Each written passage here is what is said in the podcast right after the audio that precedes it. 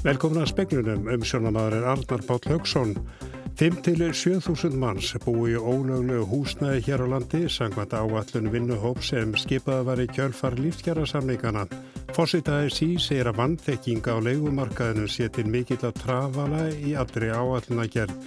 Hér að saksóknari hefur tekið við máli mann sem er grunar um að hafa skotið með rifli á bíl borgarstjórans og á skrifstofur samfélkingarinnar. Bóðunarlisti fangilsinsmálastofnunar hefur lengst verulega síðustu ár. Fangilsinsmálastjóri vonar að nýtt lagafrumar beða lög stitti listan verulega.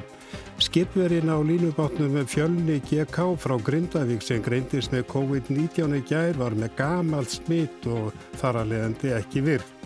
Klámnótkun ungra drengi er orðin slíka þeir þurfa að verða sér út um með stinningarlif til örfunar í kynlifi. Landsvirkjun telur að miklir möguleikar geti falist í vettnisframleyslu. Vettni gæti orðin í útflutningsgrein í nánustu framtíð og Fórsett Ísland segir að við sem búum í þessu landi verðum að hafna öllum öfgum og ábeldi á vettfangi þjóðmóla. Áallega er að millir 5 til 7.000 manns er búið í óleifis íbúðum um landalt. Þetta eru 1500 til 2000 íbúður í húsnæði sem er skipulað sem atvinnuhúsnæði en nýtt sem manna bústæðir.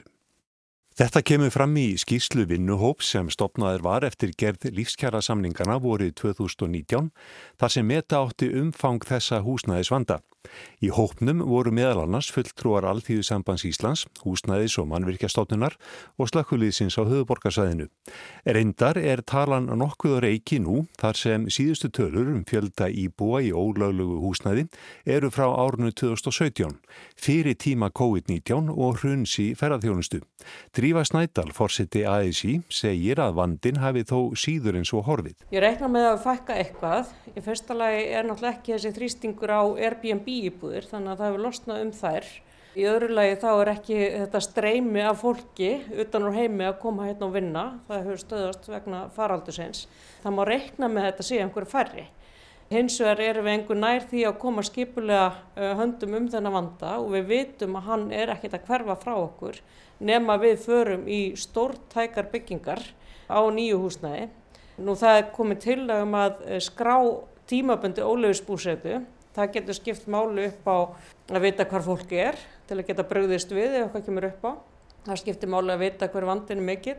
Það skiptir málu upp á börn að þau geti verið í skóla og frístundum í einhverju ákveðnu hverfi og geta haft yfirlit, yfir þetta og eftirlit með að brunavarni sé í lægi og svo framvegs. Þetta verður hins vegar tímabundið og, og síðan þurfum við náttúrulega að byggja yfir fólk þannig að við önnum þörfa á búseti. Drífa segir að vannþekking á leikumarkaðinum sé allri áætlana gerði í húsnæðismálum til trafala. Það er tilbúið frumvarp um breytingu húsalögulögum sem eru mjög brínt að koma á framfari.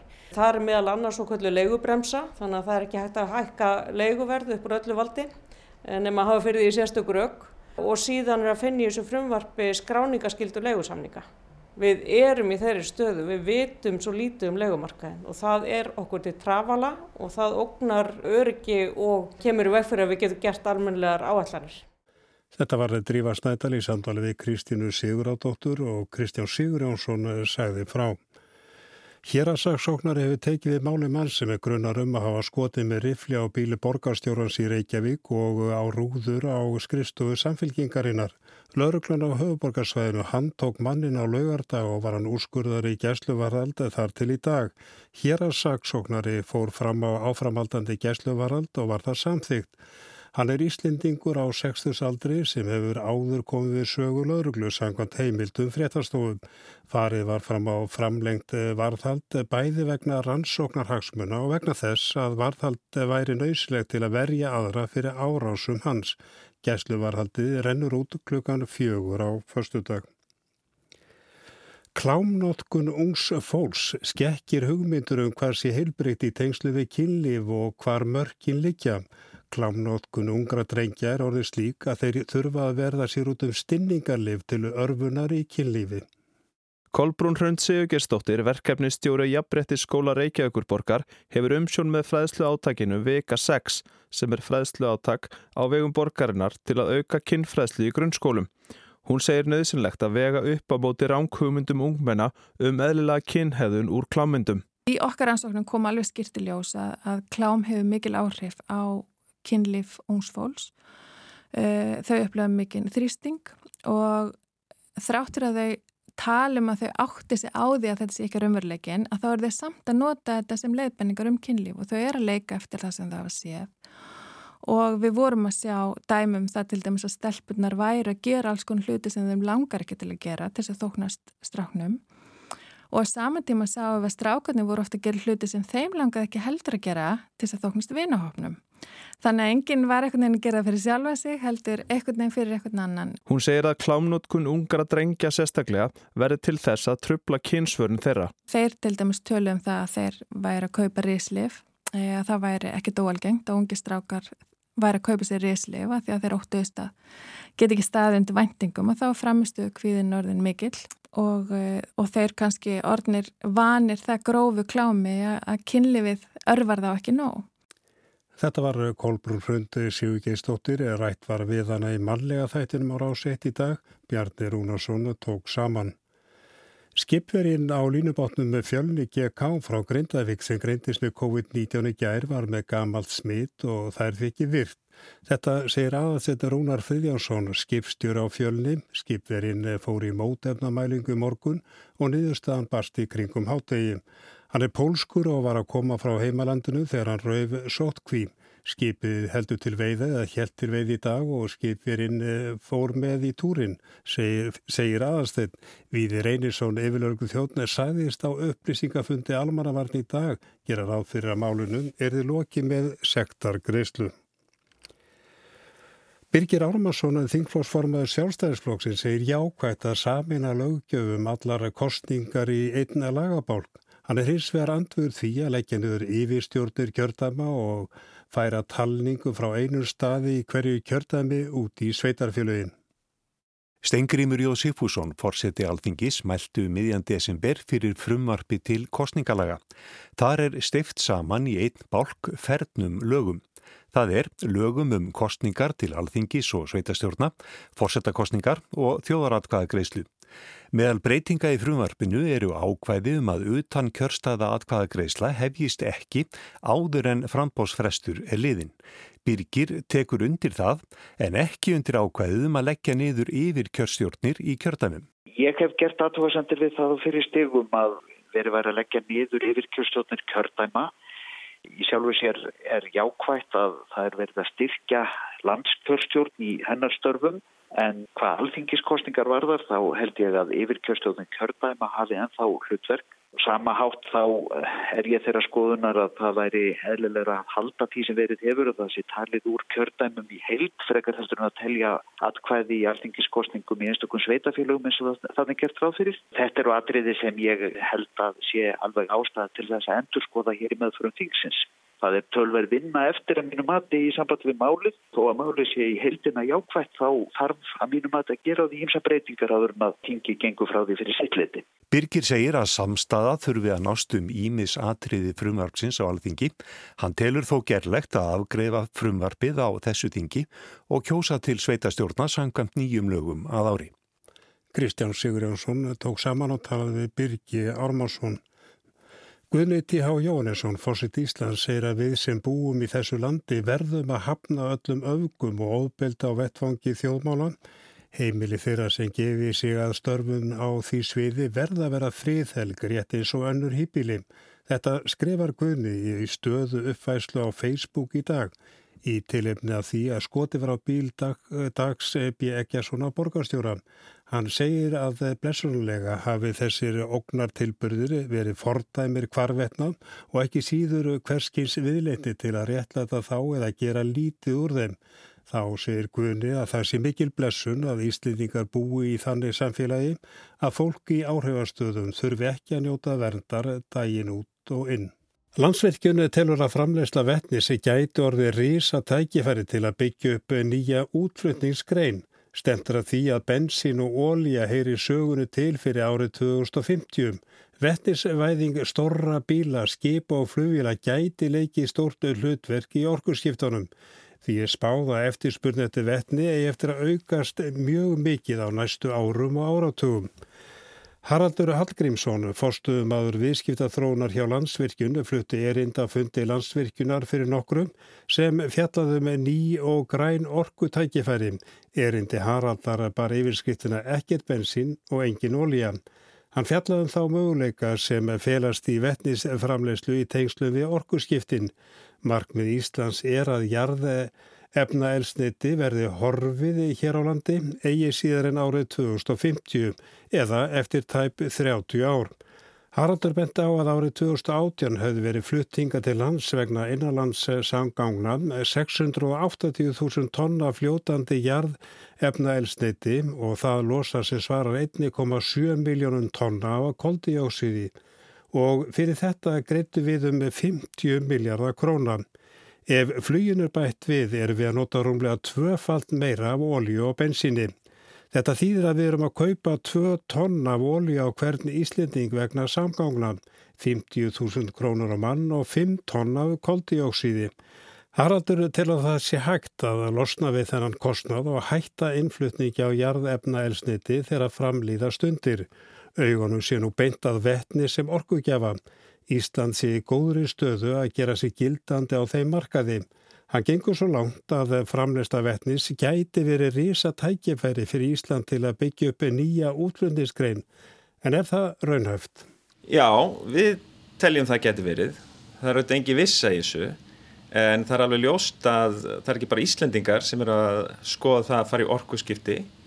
Það eru allar þjóður í heiminum og þá sérstaklega í Evrópu og einhverstaðar verður, verður þessi endurlega orka að, að einhverstaðar verður að framlega hana og einhverstaðar verður að hérna, framlega þetta vettni sem við erum að tala um.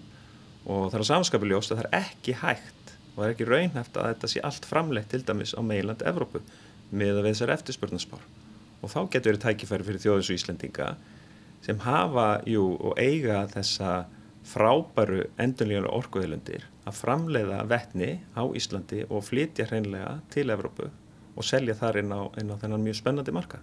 En eins og ég segi þessi marka eru ekki til í dag en hann verður það vonandi.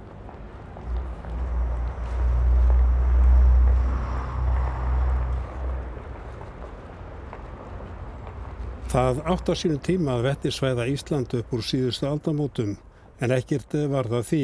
Nú er kannski komið að því að landi verði vettni svætt Þegar að kemur á orkurskiptunum er vettni talið raunhæfti fyrir stóra bíla, fiskiskip, flutningarskip og flugvélar.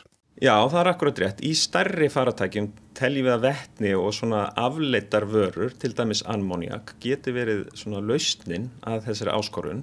Við erum að sjá mjög hröð orkurskipti uh, á Íslandi í engabílnum uh, að völdum rafæðingar en fyrir starri faratækjum þá geti vettni uh, henda bara mjög vel. Og þá erum við fyrst að horfa á stærri uh, faratæki vega samgöngum til dæmis flutningabíla, rútur, strætisvagna og svo framvegs uh, síðar uh, skip þá í jafnvel, hérna, sjávarútvegi og, og millilandasiklingum og, og kannski svona aðeins lengrin í framtíðinu jafnvel flugsamgöngur.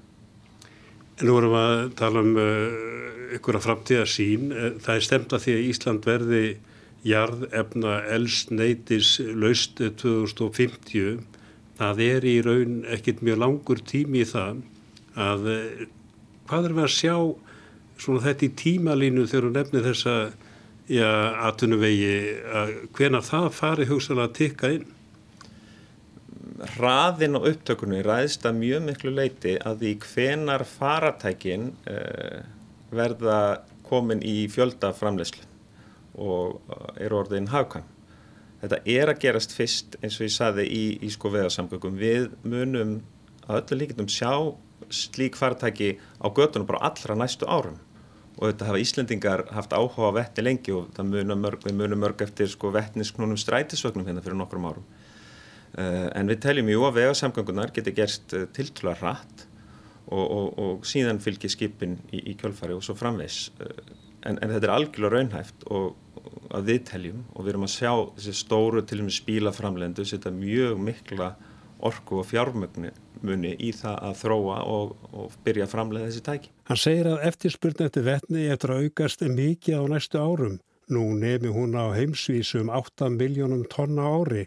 Spár núna gerir ráð fyrir að 2050 verði spurn eftir vetni um 20 miljónir tonna bara í norðvestur Evrópum. Hann segir að ástæðan fyrir aukinni eftirspurn séu orkuskiptin.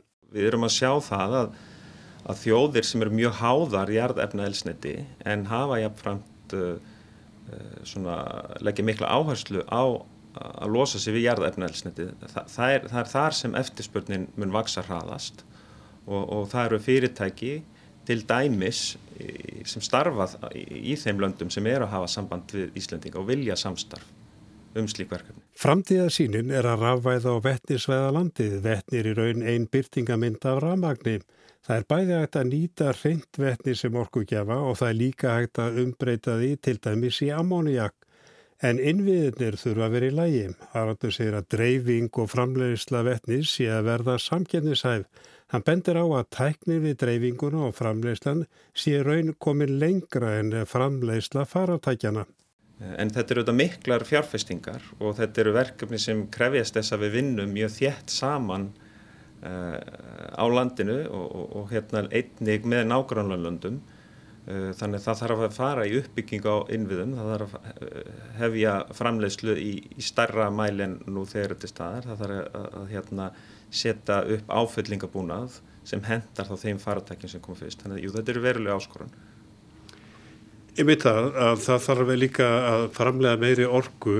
Eh, þú talar um að það þurfi að auka framleiðslu á eh, endur nýjanleiri orgu umtalsvert.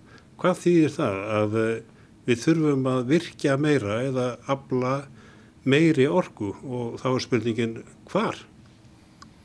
Já, það er nú kannski ekki mitt að, að segja nákvæmlega hvaðan orkan er að koma, hvort það er að koma úr nýri vinslu eða og núverandi kerfi. En það er alveg ljóst að við Íslendingar flytjum inn alveg gríðarlega mikið magn af fljótandi jarðarfnælsniti og ef við ætlum að skipta því út fyrir endurnýjanlegt uh, fyrir ennsliti sem er framleitt með endurnýjar orku þá verður svo orka að koma einhver starf. Það getur til dæmis komið úr vassaftsvirkjunum, úr uh, jarðvarma virkjunum en, en einni eru við auðvitað eins og aðrir að fylgjast með það sem er að gerast í kringum okkur varandi virkjun vinsins og það þekki það allir, allir Íslandingar við erum rík af þeirri öðlind. Vettis framleist á Íslandi er umhverfið svæn vegna þess að vettni hér er þið framleitt með endur nýjanlegri orkum og þess vegna er talað um grænt vettni á Íslandi.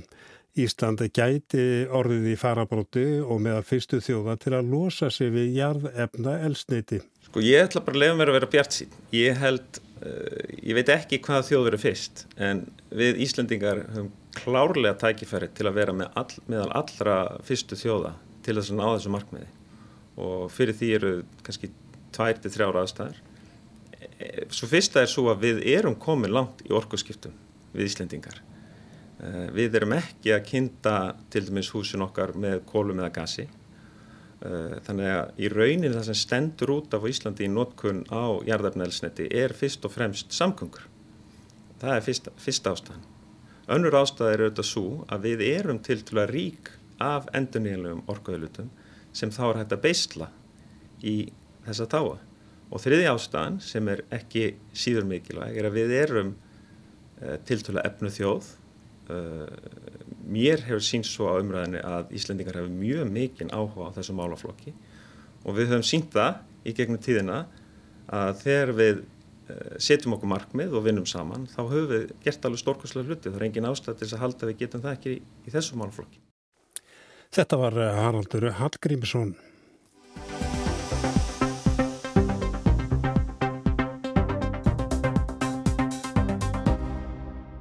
Páll Vinkel, fangilsismálastjóri, bindur vonið við að frumvarpum fullnustu refsingar sem verið að kynna í samráðskáttu stjórnvaldan verði til þess að bóðunarlistar fangilsismálastofnunar stittist, sangkvæmt því á að auka samfélagsstjónustu til muna. Bóðunarlistar hafa lengst verulega síðustu ár og býða nú á sjötta hundra eftir að hefja afplánun. Um 15 til 30 refsingar hafa finnst á hverju ári. Fangelsin hafa ekki kallað til afplánunar alla þá sem dæmdir hafa verið til fangelsisrefsingar þrátt fyrir nýtt fangelsi á Holmseiði, fjölgun á opnum rýmum í fangelsum, rýmri skilirði gagvart ungum föngum og aukna áhersla á samfélagsþjónustu og rafrænt eftirlit. Árið 2009 voru 213 á listanum en í lok síðasta árs, 2020, voru á honum 638. Á sama tíma hefur meðal byggtími eftir afplánun lengst tölvert. Árið 2010 liðu að meðaltali 4,9 mánuðir frá því dómur barst fangilsinsmálastofnun fanga til afplánun hófst. Árið 2019 byggðu menn í 6,9 mánuði. Dómsmálaráð þeirra skipaði starfshóp síðasta vor sem fekk það verkefni að koma með tillögur til úrbóta. Hópurinn skilaði skýrslu í júni og byggjast frumvarpströgin á tillögum hópsins. Þau voru sett í samráðskáttina fyrir helgi og samkvæmt þeim á að auka enn frekar möguleika fanga á að afplána dóma með samfélagsþjónustu. Bóðunarlistarnir hafa lengst verulega. Já, þetta er sko í rauninni vandamál sem er búið að vera uppsapnast, sapnast upp síðustu 20 ár einfallega vegna þess að domstólar hafa þingt refsingar gríðarlega á uh, nokkur ára tímabili. Þannig að domstólar voru á, á, á sínum tíma dæma þetta 200 ára fangelsi ári, cirka bát, og það uh, lengti svo um 100% á nokkrum árum. Þannig að við stóðum allir uppi með það að það þurfa fullnast á 400 ára fangelsisrefsingar í staðan fyrir 200 og þessi, þessi tala yfir haldist um það í, í, í, í þessari tölu, 350 til 400 ár og það segir sér sjálft að, að þegar þú varst með kerfi sem var í fullri nýtingu og fullri nótkunn þá að þá hérna, skapast vandamál.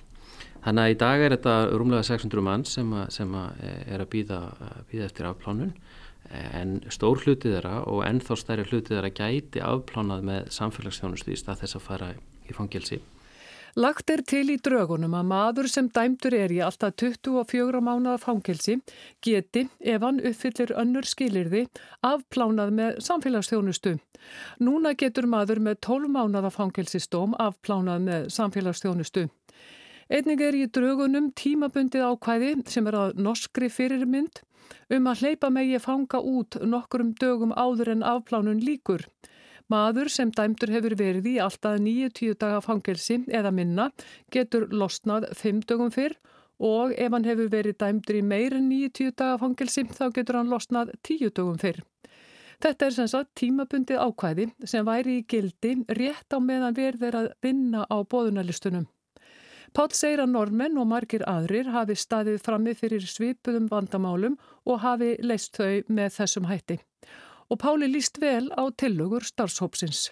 Og í mínum huga er, er mjög bjart framöndan ef þetta fyrir gegn og aðra breytingar sem, a, sem a, e, við höfum sett í gang. Er einhver skýring á því hvers vegna refsingar lengtust?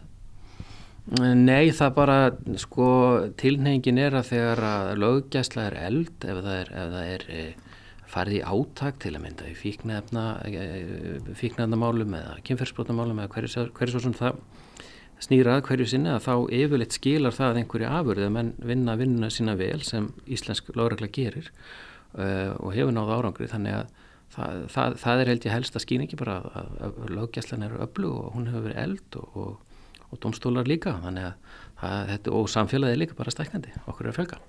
Uh, aðeins um hvaða afleiðingar hefur það þegar að svona byggjastarnir, eh, þessi bóðunarlistar verða svona langir? Jú, það afleðingarnir eru þá að, að minni brotamenn oftast, þeir þurfa að geta, ef þeir ekki ósk eftir í sjálfur að hefja afplánun strax, að þeir geta þurft að býða í nokkuð tíma. Og það er ju viðkjönd í fræðanum að, að almenn og sérstök varnar áhrif refsinga ná ekki fram að ganga ef fullustan kemur ekki strax í kjölfar e, dóms.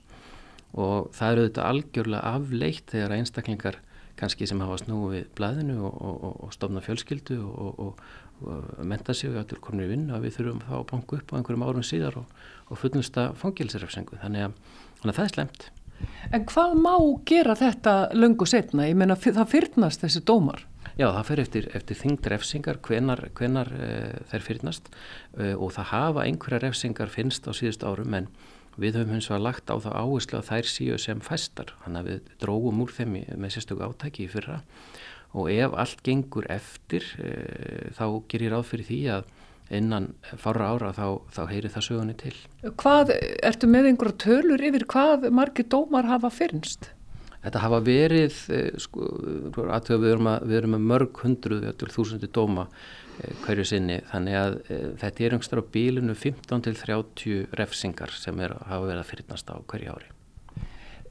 Sagt, förum aðeins yfir þessar hugmyndir sem koma í þessu frumvarfi. Hvernig líst þér á þar?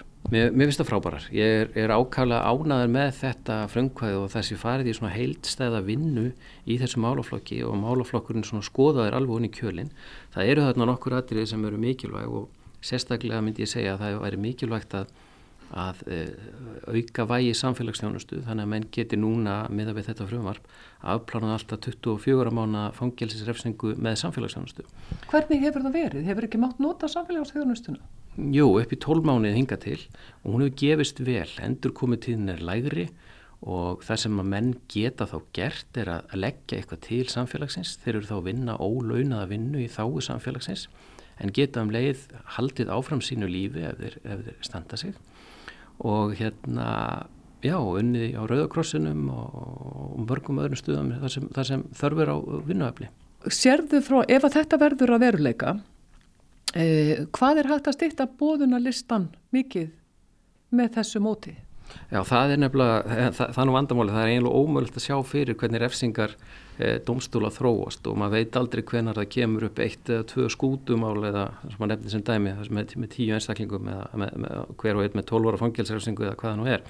Þannig að það er ómögulegt fyrir mig að segja, en miða við dæmda refsingar í dag eins og það hafa verið á síðustu árum, þá ræður fangilsiskerfið alveg við að fullumst þær refsingar strax. Við sitjum bara eftir með hennan búðanlista sem áslugvarna og við hinn erum erum að berjast við að, að klára og ég er, er nokkuð björnstinn á því við erum búin að gera allt sem fyrir okkur var lagt, við erum búin að loka óhagkvæm meiningum og nýting fangelsana hefur verið var léleg í, í, í fyrra skiljanlega vegna COVID en við erum búin að gefa verulegi núna og, og litlarhönni nánast fullt og, og, og bæða opna fangelsin. Og að því að þú nefndu nú COVID, uh, hvernig hefur gengið hjá ykkur uh, að halda COVID, halda COVID frá fangelsunum? Ótrúlega vel. Ég, starfs, þetta, þetta starfsfólk sem vinnur með mér er búið að vinna þrekvirki, algjör þrekvirki. Við erum búin að skipta öllum fangelsum upp í lítil hólf. Menn hafa farið 100% eftir ráðleggingum og leðbenningum sóttvarnarleiknis og okkur hefur tekist að koma í veg fyrir smitt í öllum fangilsulandsins. Við reyndar fengum eitt fanga, gæsluvaraldsfanga inn sem við vissum fyrirfram að var með COVID en með réttum ráðum og réttu verklagi og ögum vinnubröðum þá, þá kláraði að einstaklingur bara sín sjúkdóm og, og, og, og hóf svo afplánu í kjálfarið. En þetta hefur haldið hinga til og það hefur aldils ekki verið upp á teiningnum í, á, á hinn Norðurlandunum. Það hefur verið skelvingar ástand á, á á, á, í sumum fangilsum þannig að við erum mjög þakklátt fyrir, fyrir það að enn sem komið er síðan þetta ekki komið inn og, og vonandi fá, fanga verið brálega bólefni og þá getum við hérna, vonandi gefið meir í. Fangelsismálastofnun metur það svo að verði frumvarpið óbreyta lögum þurfi að fjölga um eitt ársverk hjá stopnuninni tímabundið sem kosti 11 miljónir á ári í þrjú ár. Bergljótt Baldurstóttir tók saman og talaði við Pál Vinkel og veðurhórfurnar austan strekkingur sunnalands á morgun annars hægari vindur við að bjartviðri og talsveit frost en frostlaust við söðurströndina. Og við sögðum meðal annars frá því speklum við kvöld að 5-7 manns búi í ólöglu húsnaði hér á landi sangvænt áallunum vinnuhóp sem skipaða var í kjölfara lífskjara samningana. Hérasaksóknari hefur tekið við máli mann sem grunnar um, eh, er um að hafa skotið með rifli á bíl borgarstjóra og á skrifstofur samfylkingarinnar. Gæslu varaldi mannunum var framlengt í dag til förstudags. Bóðanalisti fangilsistjóra hefur lengst verulega síðust ár og fangilsistjóri, svo hann sagði hér áðan, vonar að nýtt eh, lagafrömmar stitti listan verulega. Klámnótkunni ungra drengi er honum slíka þeir þurfa að verða sér út um stinningarlif til örfunar í kynlifi og landsvirkjunu telur að miklu möguleikar geti falist í vettnisframleyslu, vettni gæti orði ný útflutningsgrein í nánustu framtíð. Það kom á lókum speilsins, tæknumari kvöld var Magnús Þorstein Magnússon, verðið sæl.